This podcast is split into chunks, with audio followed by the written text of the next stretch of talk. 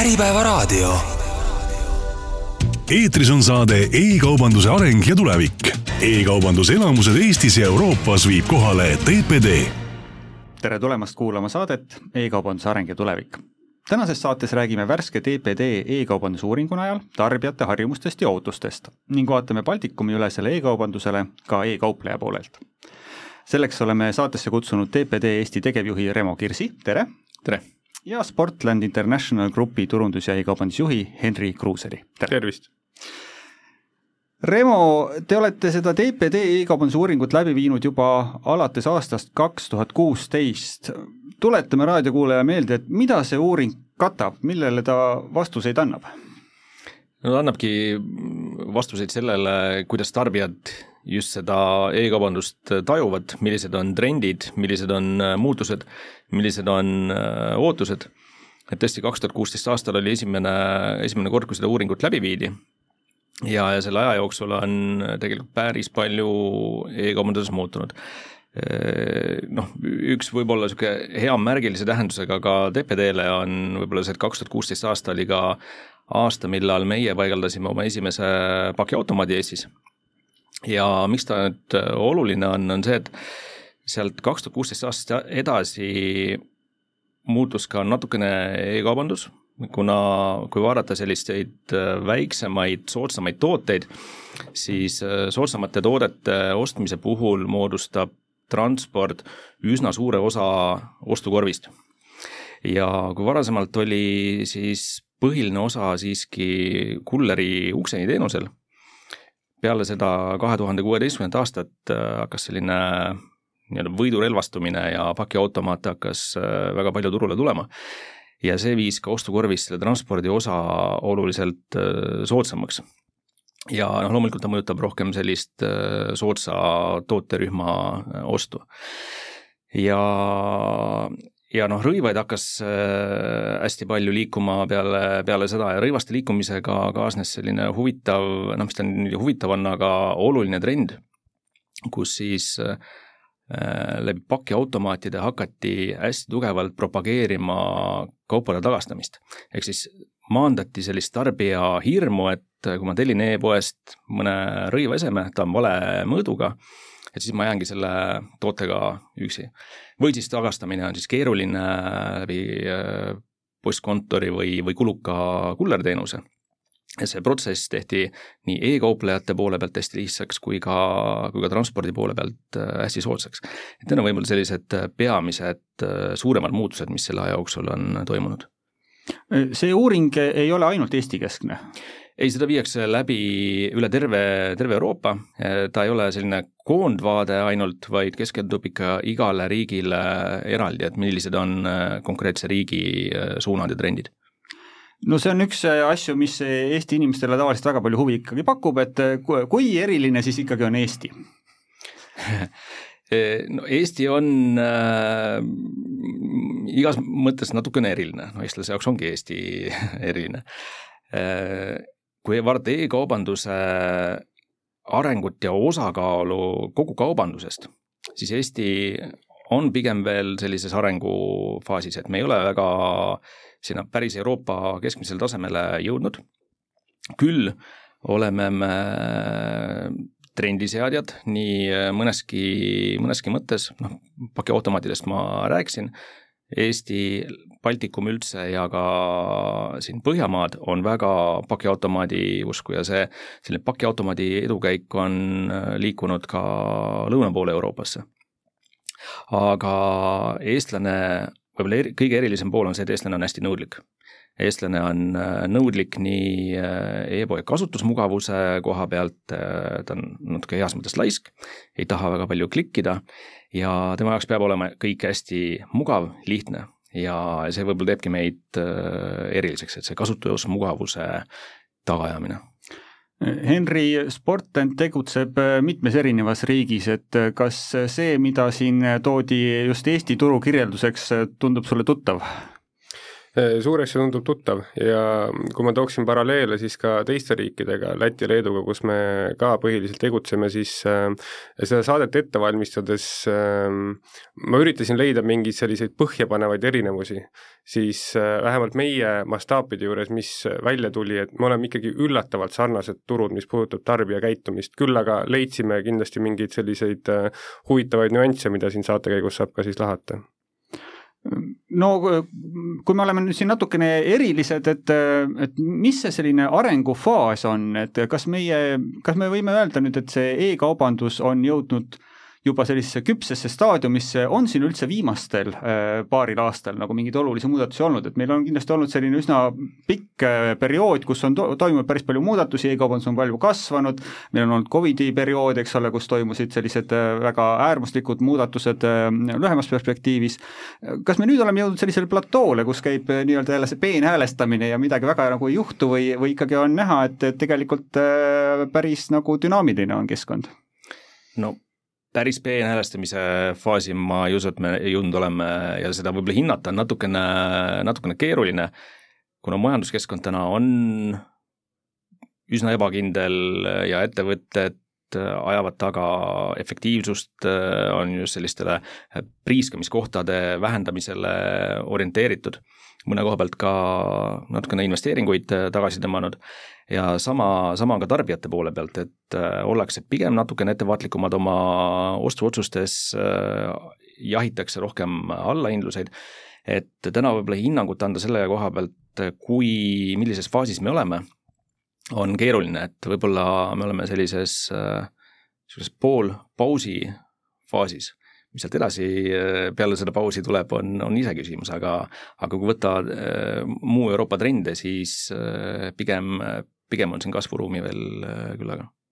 Henri, kuidas sulle tundub, äh, kas see turg on ikka veel endiselt selline dünaamiliselt muutuv ja on siin potentsiaali veel äh, omajagu areneda või me oleme jõudnud nagu sellisesse rahulikku faasi juba, kus käib selline noh, iga aasta natukene teeme, aga midagi väga ähm, olulist, olulisi muutusi enam ei toimu? No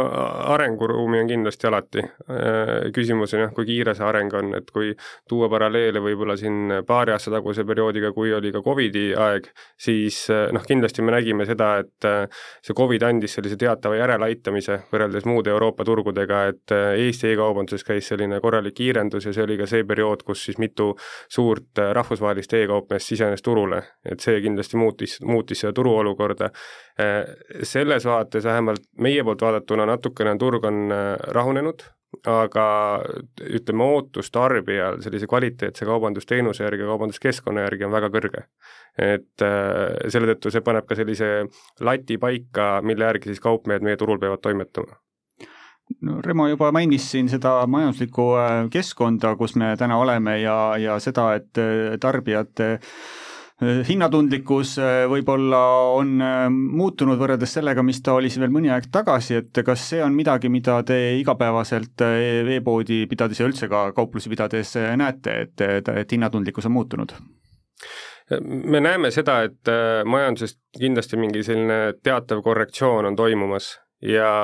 selge see, et siis see mõjutab ka tarbija käitumist äh, tulenevalt toote hinnast. ja teine asi, mida tuleb arvestada, on see, et ühest küljest on selline majanduskliima jahenemine, aga teisest küljest on ka meil endiselt inflatsioon, mis on üsna agressiivne. et äh, tarbija näeb ka letil oluliselt kõrgema jaehinnaga toodet, kui see oli võib-olla aasta tagasi. et eks see kõik tervikuna mõjutab seda pilti võrreldes mõne aasta taguse olukorraga. kuidas sulle tundub, et mis see reaktsioon sellele on, et kas siis äh, eelistatakse mingeid soodsamaid tooteid, nüüd, et äh, või, või pigem äh, lükatakse üldse ostu edasi ja, ja ei, ei, leitakse, et ei olegi vaja tingimata osta? me täna näeme seda, et äh, ütleme, selline keskmise ja kõrgema hinnataseme toode on üsna stabiilne, pigem on kerget vibratsiooni tunda just seal alumise otsa hinnataseme tootes, et tundub, et täna selline ütleme siis hinnatundlikum tarbija on muutunud ettevaatlikumaks Remo, kui te töötate ka erinevate klientidega koos, et äh, kuidas nagu paistab, et kas äh, nii-öelda mahud, äh, et kuidas kaupa välja saadetakse, on nagu endistel tasemetel või on siin ka ikkagi näha, et on toimunud mingi rahunemine ja inimesed nii hooga ei telli üldse? ja rahunemist on, rahunemist on kindlasti näha, inimesed ei lähe nii hooga peale, otsivad, lähenevad ratsionaalsemalt ja otsitakse selliseid suuremaid kampaaniaid, alla, allahindluseid. Ja, ja mida on näha, on kasvutrendis just selliste rahvusvaheliste e-gigantide suuremate allahindluste suurem mõju. Et äh, inimesed jahivad just suuri allahindluseid, selle, selle läbi pöörduvad üsna tihti äh, suur, rahvusvaheliste e-poodide poole. et see, seda trendi on, on küll näha mi-, mis need äh, ootused siis äh, tänasel hetkel nagu e-kaupmeestel on, et kas sellest uuringust äh, tuli ka välja midagi sellist, mis hakkas nagu silma või oli natuke üllatav, et kui sa oled juba aastaid neid uuringuid näinud, eks ole, et natuke on juba ettekujutus olemas ja nii lisaks sellele, et et igapäevane suhtlus ju turuosalistega käib nagunii, et et kas, kas midagi oli sellist, mis, mida sa vaatasid ka, et vot see on huvitav? ja oli, oli küll ühtepidi ja huvitav oli kui kõrvutada Balti, Balti riike, Eesti, Lätit, äh, Leedut, siis äh, suurem osa ootusi tarbija poole pealt olid üsna sama, samased. ikka inimesele meeldib tasuta asi. tasuta transport, tasuta tagastamine, äh, loomulikult kõrgel kohal oli just selle kvaliteetse toote kirjeldus, selge tootekaart, et saadakse aru, mida, mida ostetakse, aga üllatavam oli Eesti puhul see, et eestlane ajab taga pangalinki, eestlane ei, ei eelista krediitkaardimakset, see oli võib-olla selline just Eestit eristav teistest Balti riikidest, et jah, mujal Euroopas on see krediitkaardimakse e-poes täiesti tavapärane, aga Eestis on just selle pangalingi kaudne makse see, mida klient täna ootab no kõigepealt, Henri, küsin kohe seda, et kas praktikas vastab see tõele, et see võlusõna ikkagi, kui midagi on tasuta, näiteks tarne, et selle peale tähelepanu kohe kasvab? Jah, absoluutselt, noh täna ikkagi Äh, suuresti tasuta transport ja tasuta tagastus on selline elementaarne hügieen e-kaubanduses. kuigi me näeme seda, et ka siin on teatav muutus tekkinud, kuna äh, paljudel e-kaubanduse ettevõtetel, kellel näiteks üldse füüsilisi poodi ei eksisteeri, neil tekib efektiivsuse probleem, sellepärast et kulud kasvavad äh, seoses transpordiga ja sellest tulenevalt tuleb siis leida seal mingeid loomingulisi lahendusi ja teine asi, äh, äh, mis puudutab äh, makseid, siis siin teine kõneleja mainis pangalinke, siis me näeme tegelikult seda selgelt kogu Baltikumis, et selline pangalinkide, linkide või, võidukäik on väga suur võrreldes muude piirkondadega, kus krediitkaart on oluliselt tugevamas positsioonis. ja uue tulijana ka kindlasti Apple Pay lahendus on väga kiiresti siin kasvamas mis on teil praktikas need eelistused äh, tarneviiside osas, et äh, kas ikkagi see pakiautomaat on selline asi, ilma milleta ei ole võimalik põhimõtteliselt äri teha Baltikumis? Mis puudutab e-kaubandust, siis kindlasti see on kõige eelistatum, äh, eelistatum tarneviis, siiski meie filosoofia on see, et meie eesmärk on pakkuda kvaliteetset teenust ja kvaliteetset kliendikogemust igas etapis, olgu see siis e-pood või olgu see füüsiline pood või olgu see kombinatsioon. ja sellest tulenevalt me näeme, et väga kiiresti kasvab ka tegelikult äh, nii-öelda store pick-up või tule ise kauplusesse järele äh, äh, tarne, tarneversioon äh,. ja, ja me, me siin ei taha kuidagi dikteerida, et kus tegelikult tarbija oma valiku peab tegema, et see on puhtalt tarbija enda otsustada, meie lihtsalt hoolitseme selle eest, et kõik need äh, nii-öelda tarbija puutepunktid oleksid võimalikult kvaliteetsed. Äh, üsna tihti on täna näha ka olukorda, kus äh, klient on poes, mis iganes poes, ja selle asemel, et siis riiulite vahel toodet otsida, tal on telefon käes ja ta otsib tegelikult telefonist seda toodet ja siis näitab teenindajale, et palun tooge mulle see, et noh, sellest nagu siis võib-olla mõistlikum lahendus ongi see, et klient lihtsalt siis kasutab store pickup varianti? Ehm, pean tunnistama, et täna hommikul isegi käisin niimoodi poes, mitte küll Sportlandi poes, see antud hetkel üks teine kaubakategooria oli, aga täpselt niimoodi läksingi telefoniga ja küsisin, kus teil see siin on. Äh, Reemo,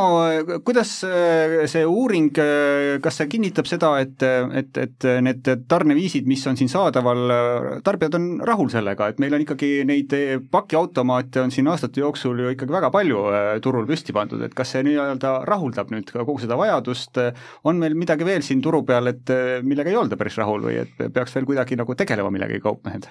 see tegelikult just ennem, ennist sai mainitud, et Äh, seda kvaliteeti aetakse taga ka klientide poole, poole pealt. Ja ja seda valikuvabadust oodatakse, see tuleb ka meie uuringust välja, et ei ole pelgalt sada protsenti üks tar-, transpordimeede, mida tahetakse kasutada, vaid valik lang-, langeb ikkagi mitmete mooduste peale. Ja tõsi, tuleb ka uuringust välja, et see kauplustest kauba pealevõtmine on kasvutrendis aga inimesed tahavad saa-, omada valikut, et neil on valikuvabadus, mida nad eelistavad. ja, ja mis on, mis on huvitav, täna on muutumas see kuller, traditsiooniline ukseni kuller teenus pigem selliseks noh, luksusteenus võib natukene palju öelda, aga mugavusteenuseks. ja, ja see on ka see, miks miks ta peab olema ka otsast lõpuni hästi, hästi disainitud just selle mugavuse ja, ja kliendi äh, nõudlikkuse najalt me siin äh, mõni aasta tagasi oli väga palju seda furoori, et äh, millised erinevad robotid on võimalik panna mööda seda tänavaid liikuma ja nii edasi. see on kuidagi natuke nagu ära vaibunud ja e-, ega see vist ei ole ka midagi sellist, millest nüüd tarbijad väga puudust tunneksid, et nad tahaksid kangesti, et mingisugune masin sõidaks nende juurde. vot see on üks huvitav, hästi lai teema, millest kannatab väga palju, väga palju rääkida kui nüüd võtta kümmekond aastat äh, tagasi, oli üsna sarnane arusaam ka pakiautomaadi osas.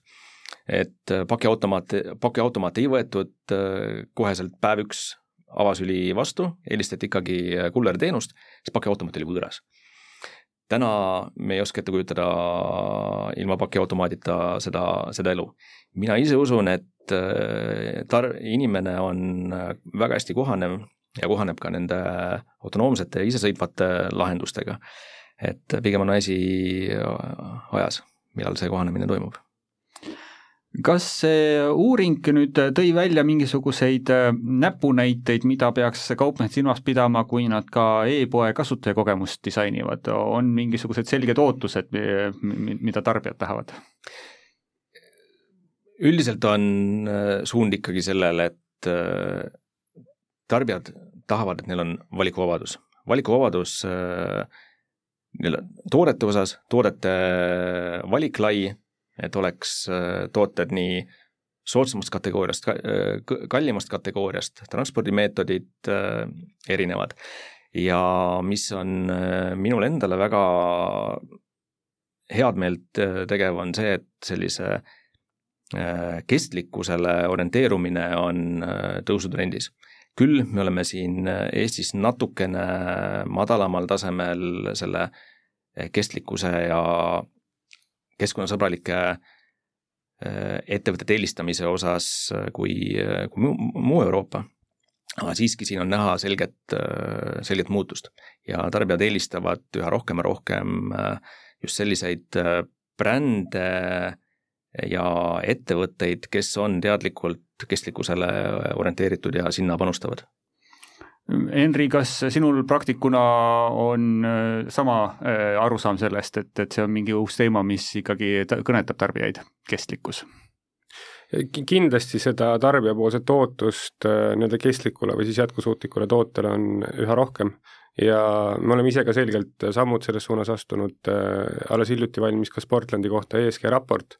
mis kaardistas, kaardistas ära siis meie tänase hetkeolukorra ja siit ka siis äh, nii-öelda roadmap'i järgmise viie aasta kohta.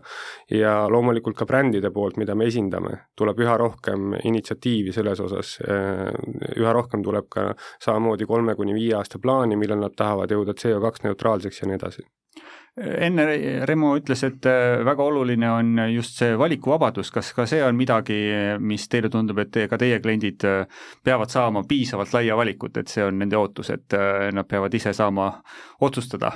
Absoluutselt ja see on tegelikult üks suur e-poe eelis, sellepärast et äh, füüsilisel poel tuleb teatavasti selline kapatsiteedi piir ette, et sõltuvalt siis selle poe pinnast sellise, selliselt, et tooted võimalikult äh, hästi ka välja presenteerida, on sul teatav äh, piirang, siis e-poes seda piirangut ei ole, et seal ainukene ainukene selline reegel on see, et see toode peab olema võimalikult lihtsasti leitav. no sa tõid väga olulise asja välja, et tõepoolest on poode, kuhu on neid kaubaühikuid ikkagi pandud väga suurel hulgal, aga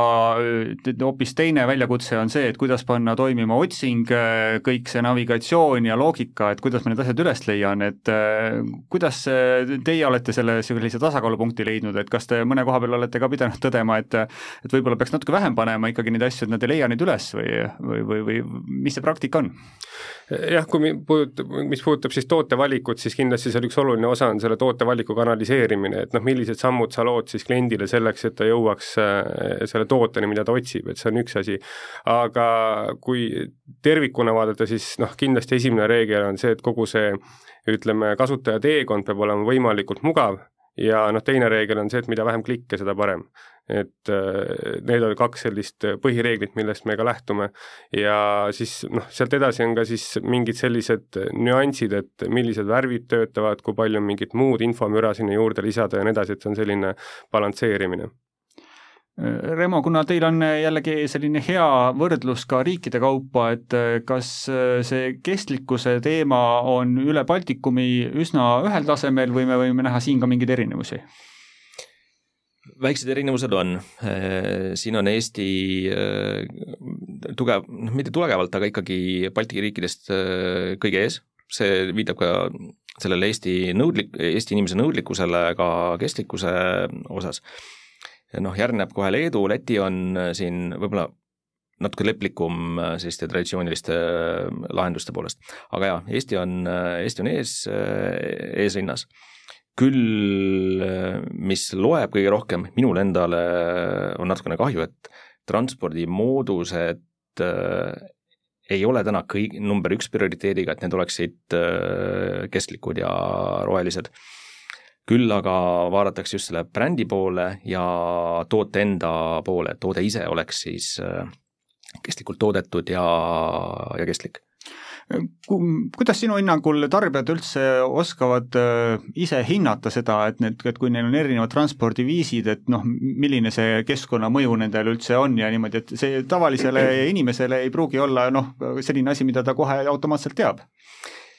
Ega ei teagi ja seda müra on tegelikult üsna, üsna palju ümberringi ja selles müras alati orienteerumine üsna komplitseeritud. et mida, mida meie ise omalt poolt äh, teeme Äh, on, on ka see, et meil on äh, samuti CSR raport kodulehel kõigile kättesaadav ja, ja lisana, see on küll natukene keerulisem eratarbijal seda infot nüüd otseselt kätte saada, aga me pakume oma äriklientidele siis selles kontekstis e-poodidele võimalust iseteeninduskeskkonnas näha ka reaalselt, kui palju äh, näiteks CO2 on konkreetse paki ja nende puhul siis äh, vähendatud. ja seda saab äh, kanaliseerida samamoodi oma, oma e-poodi, oma ostukorvi. Balti riigid ühes vaates väga sarnased, aga nendel, nende jaoks, kes siin nagu reaalselt jällegi äri ajavad erinevates kohtades, ikkagi tulevad need erinevused alatasega välja, et päris üks ja seesama ei ole, et mis siis, mis siis see teie äh, arusaam sellest on, äh, kas meil äh, kui erinevad need tarbijad ikkagi nagu Balti riikides on, alustame võib-olla jälle kõigepealt sellest, sellest uuringu vaatest, et Remo juba korra tõi nagu välja seda, et ütleb, et et eestlase on, on kõige, kõige nõudlikum tarbija. kas, kas sa oled, Henri, sellega nõus, et eestlane on väga nõudlik? jaa, absoluutselt. Äh, kindlasti on äh, eestlaste selline standard ja siis ka kriitika, mis puudutab siis keskkonda, kus nad oma oste soovivad sooritada, on väga, väga kõrge kuidas me võiksime üldse iseloomustada nagu neid erinevaid äh, tarbijaid, et kui, kui peaks kellelegi selgitama, kes praegu alles kaalub võib-olla nende erinevatele turgudele minekut või siit Eesti turult laienemist, et mille poolest näiteks Läti ja Leedu äh, turg erineb või Läti ja Leedu tarbija erineb keskmine tarbija? Nagu ma saate alguse poole mainisin, siis kui me otsisime selliseid põhjapanevaid erinevusi, siis ega neid väga palju ei ole, küll aga ma, ma tooksin välja mõned, äh, mis puudutavad sellist e-poe kasutatavust ja siis ka mõned, mis puudutab toote eelistust. et kõigepealt, kui me läheme e-poe kasutatavuse juurde, siis mis me avastasime, on see, et äh, eestlastele meeldib rohkem oma oste sooritada läbi arvuti isegi kui nad et, ennem hangivad infot toote kohta läbi telefoni, siis neile kuidagi tundub mugavam, et hiljem see ost on mõistlik sooritada läbi arvuti, et see oli üks selline põhimõtteline erinevus, mida me nägime Eesti versus siis Läti ja Leedu. ja teine asi, mis tuli välja, on see, et eestlastele meeldib teha oma sellist nii-öelda enne kauplusesse mine, minemise eestlastele meeldib teha sellist eeltööd enne kauplusesse minemist oluliselt põhjalikumalt ja see tuleb välja sellest, et äh, eestlased vaatavad toote saadavust kaupluses äh, oluliselt aktiivsemalt, kui nad seda teevad Läti ja Leedu, et see on üks funktsioon, mida me võimaldame oma veebipoes, et sa vaatad toodet ja suurust ja sa näed kohe, et kas asub näiteks Ülemistes Portlandis või Mustakivis. siis eestlast, eestlased kasutavad oluliselt intensiivsemalt seda funktsiooni.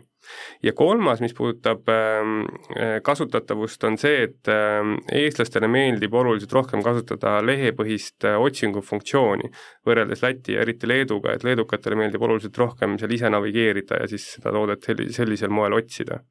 ja mis puudutab siis tootevalikut, siis ähm,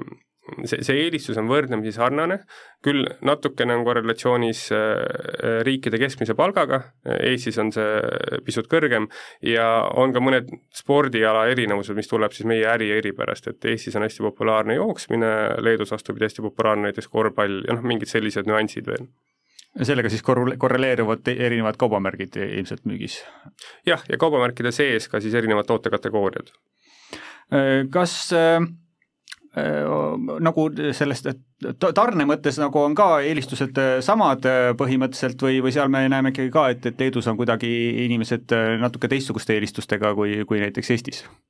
Me näeme seda, et see nii-öelda store pickup või tulen kauplusesse järele võeti kõige kiiremini omaks tegelikult Leedus. Nüüd on teised riigid järgi tulnud, äh, Läti on, Läti on siin kolmandal kohal, et see on kindlasti üks erinevus. Ja, teine on, teine on siis hinnateema või see nii-öelda teenuse tas-, tasuta kättetulemine, et leedukatel on hästi oluline see, et neil ei ole,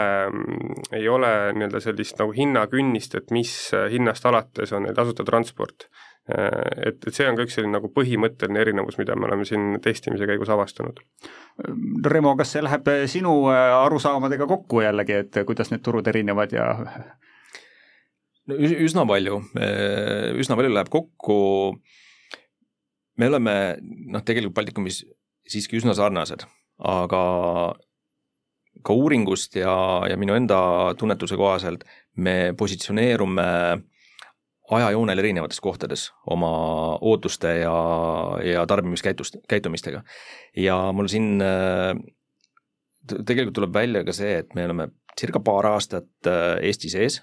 äh, teistest Balti riikidest, muidugi teis-, teistele Balti riikidele seda väga valjusti öelda ei saa, nad sellega väga rahul ei ole, aga kõik selline nõudlikkus ja, ja ja kasutajamugavuse tagaajamine ka arengut e-poodides tulevad aktiivseks niisuguse äh, paariaastase viitega, on, äh, on see meie, meie teadmine kuna meil nüüd siin Sportlandi esindaja on stuudios, siis see on ka hea võimalus natukene põhjalikumalt võib-olla korraks siia sellesse loosse sisse vaadata, kuidas teie olete e-kaubandust ehitanud, et te, te ei olnud esimeste hulgas, kes selle e-kaubanduse nüüd niimoodi hooga käima pani. küll aga te olete suutnud selle piiriüleselt ja, ja kogu Baltikumis käivitada, mis on paljude kaupmeeste jaoks selline väga suur eesmärk, mida ei ole üldse nii lihtne saavutada saavutada, et ähm, kuidas te selleni olete nagu jõudnud üldse? jah, täpselt nii, et äh, kindlasti võrreldes teiste kaupmeestega meil see stardirada oli oluliselt lühem, erinevatel põhjustel, millel ei pea väga pikalt peatuma, aga äh, seda enam oleme pingutanud selle nimel, et ähm, võimalikult kiiresti arendada kvaliteetne veebiplatvorm, mis teenib siis Omnichannel või siis jah, selliseid nagu kolmsada kuuskümmend kaubanduse huvisid, äh, kuhu me täna oleme üsna, üsna lähedale jõudnud, küll aga me kindlasti ei ole veel rahul sellega, kus me täna oleme, et arendustöö jätkub pidevalt, mis puudutab meie veebiplatvormi ja iga, iga kuu me toome teatavaid täiendavaid uuendusi. ja kindlasti on mingid sellised olulised võidud ka, mida me sellel teekonnal oleme saavutanud, noh üks on see, et seesama store pickup või tule kauplusesse järele, me suudame seda täna Baltikumis pakkuda kõikides riikides kolmekümne minutiga, et kui klient teeb tellimuse, siis kolmekümne minuti pärast on tal see ka kaupluses olemas. ja neid selliseid nüansse on veelgi, aga on olnud üsna selline turbulentne kolm aastat, äh, aga noh, tulemus on kindlasti ka selle vääriline nagu sa ütled, et see on turbulentne, kas on äh, mingisuguseid äh, suuri apsakaid, äh, mida tagant, noh, tagasi vaadates tundub, et oleks ikka võinud vältida, et mida, mida nüüd, kui hakkaks uuesti pihta, siis teeks ikka kohe päris teistmoodi? no alati on kõige lihtsam öelda, et aeg on ju, et oleks võinud olla rohkem aega, et planeerida, ette valmistada, arendada ja nii edasi. kui me selle kõrvale jätame siis äh, kui ma nüüd ütleks, et meil ei ole apsakaid olnud, siis ma arvan, et äh, see kvaliteet ei oleks olnud piisav, et me peame piisavalt tegema vigu ja eksima selleks, et äh, tagada ka võimalikult head kvaliteeti. ma ei tea, ilmselt meil oleks vaja siin päris pikka saadet, et kogu seda nimekirja hakata siin ette kandma, aga kindlasti on olnud apsakaid, üldiselt teeme kiiresti korrektuurid ja siis kohaneme. aga meie arenduse loogika tegelikult paljuski seisneb selles, et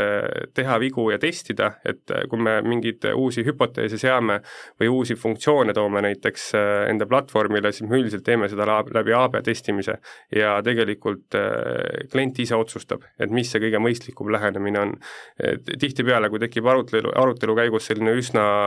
subjektiivne hoiak ja on näha, et on erinevaid arvamusi meie töögrupis, siis on täpselt see koht, kus me teeme AB testi selle jaoks Remo siin eelnevalt mainis seda uuringut tutvustades, et äh, see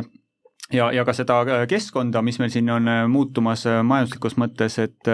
need üle-euroopalised suured müüjad, kes tihtipeale väga agressiivse hinnakujundusega on, on siia turule tulnud ja, ja siin konkureerivad, et need on, no need on olulises, olulisel kohal juba tarbija teadvuses, et ja, ja teie tootekategoorias ilmselt konkurentsist puudust ei ole, et, et see ei ole midagi sellist, mis oleks ainult kohalik, te peate võistlema ka kogu, kogu Euroopaga, kui mitte kogu maailmaga, et,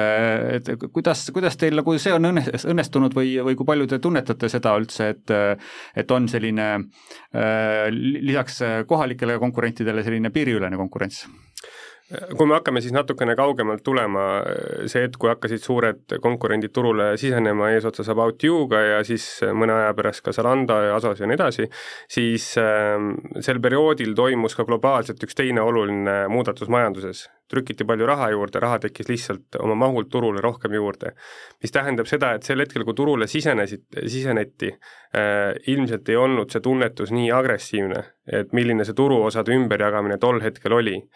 ma arvan, et äh, seda päriselt saab tundma alles käesoleval aastal ja järgnevatel aastatel, kus on selgelt siis toimumas mingi majanduse jahenemine, aga selge see, et äh, rahvusvahelised äh, konkurendid teatava turuosa võtsid ja, ja noh, viimase kolme aastaga turg on ikkagi päris korralikult ümber mängitud. küll aga on mõned olulised komponendid, mida, mida me tähtsustame, esimene asi on see, et me oleme siin kohapeal kohalikus keeles igas riigis äh,, läbi kohaliku kultuuri, läbi kohalike sportlaste, me tegeleme kohapeal turu ehitamisega, mitte turuosa endale krabamisega, kuna me oleme oma valdkonnas kõige suuremad, siis me peame seda kõige olulisemaks. ja sellest kinni pidades, ma usun, et see on kindlasti selline jätkusuutlik lähenemine, mis, mis toob ka edu äh, järgnevatel aastatel Remo, kuidas sulle paistab, kui palju siin Eesti kaupmehel ikkagi on võimalust äh, suurte hiiglaste vastu konkureerida?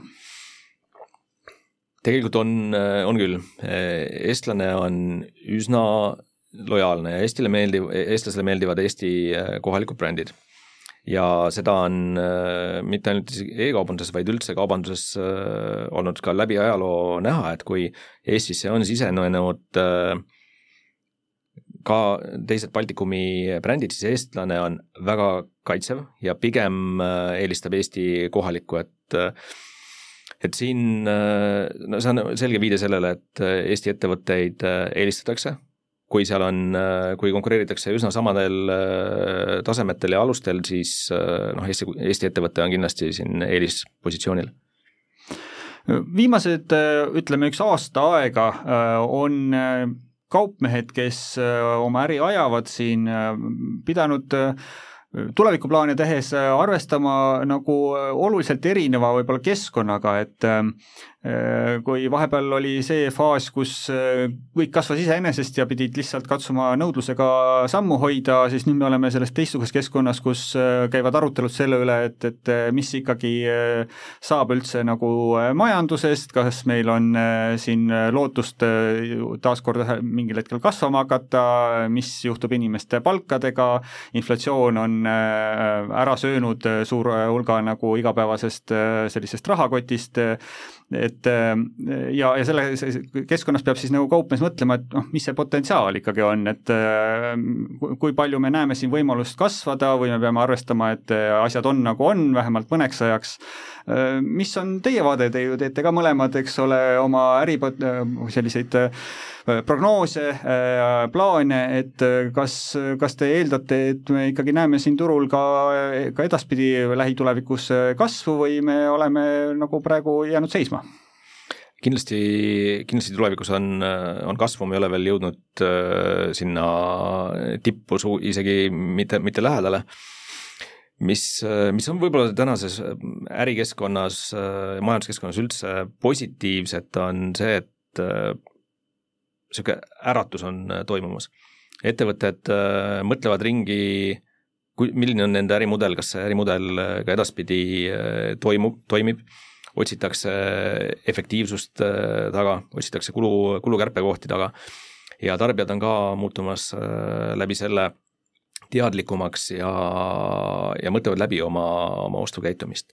et need äh, noh, sellele viitavadki siin mõned maailma trendid, et me ennist rääkisime, et tasuta, tasuta on selline võtme, võtmesõna ja see meelitab juba sloganina inimesi ostma aga just selliste puhaste e-kaup, e-kaupmeeste puhul see tasuta on väga kulukas. tasuta saatmine, tasuta tagastamine on äh, suur kulu ja täna otsitakse seda kulu kokkuhoiukohti ja nii äh, USA-st kui ka Euroopas juba on selgeid trende selle koha pealt, et äh, see tasuta tagastamine on hakanud vähenema ja ostukorvides see tasuta äh, nii-öelda stardiks äh, on hakatud üha rohkem, rohkem panema sellist miinimumostukorvi. et sellised äh, trendid, nad võib-olla ongi psühholoogiliselt natukene õigemad, et äh, tasuta korreleerub sellise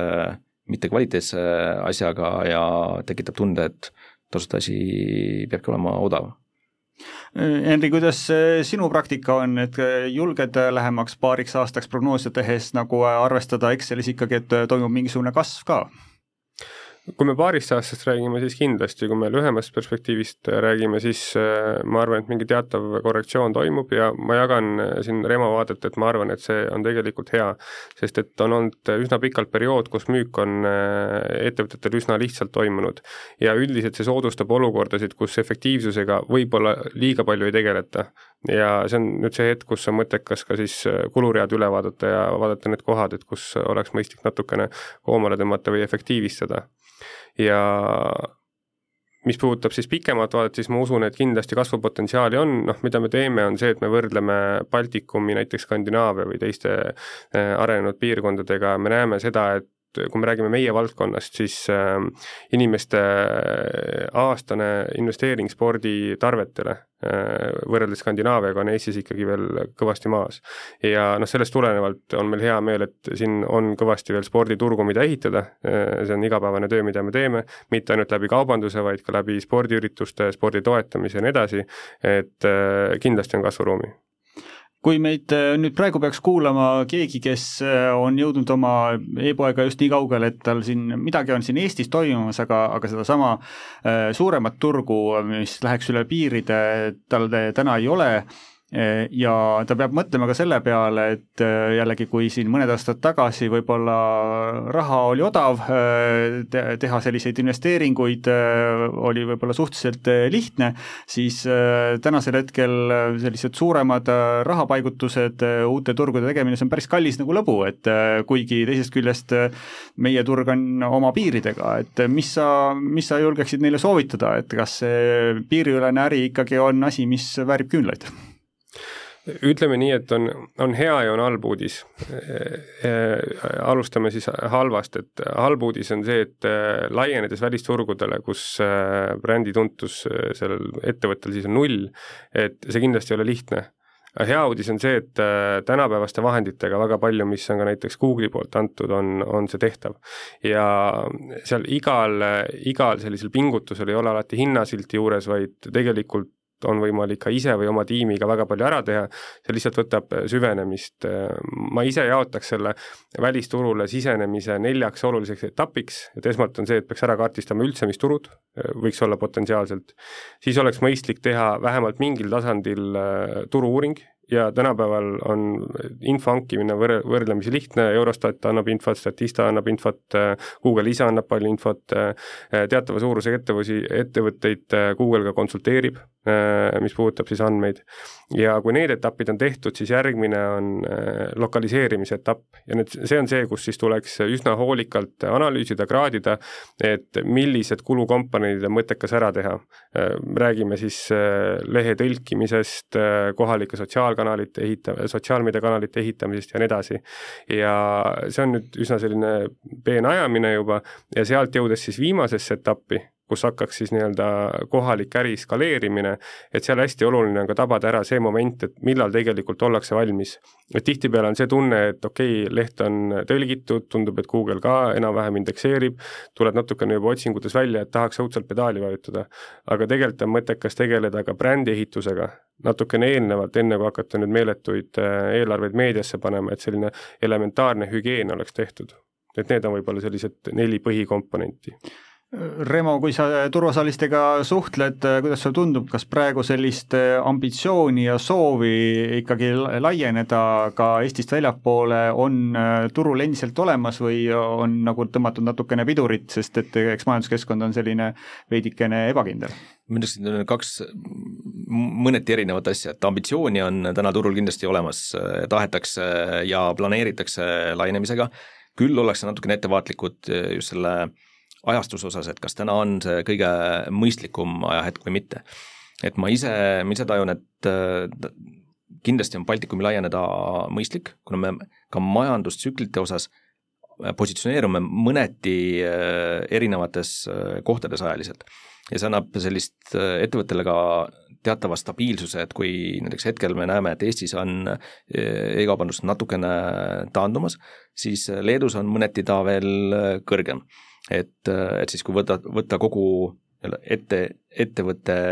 e-kaubanduse portfelli erinevate riikide lõikes, siis äh, on võimalik sellega endale niisugust teatavat stabiilsust äh, luua. sellega täna lõpetame. Aitäh kuulamast saadet E-kaubanduse areng ja tulevik, kus täna oli külas TPD Eesti tegevjuht Reimo Kirss ja Sportland International Grupi turundus- ja e-kaubandusjuht Henri Kruusel mina olen Art Lukas Maksekeskusest, saade on järelkuulatav Äripäeva keskkonnas raadio.aripae.ee, kuulake meid jälle nelja nädala pärast ning lugege kaubanduse valdkonna uudiseid kaubandus.ee. Kuulmiseni!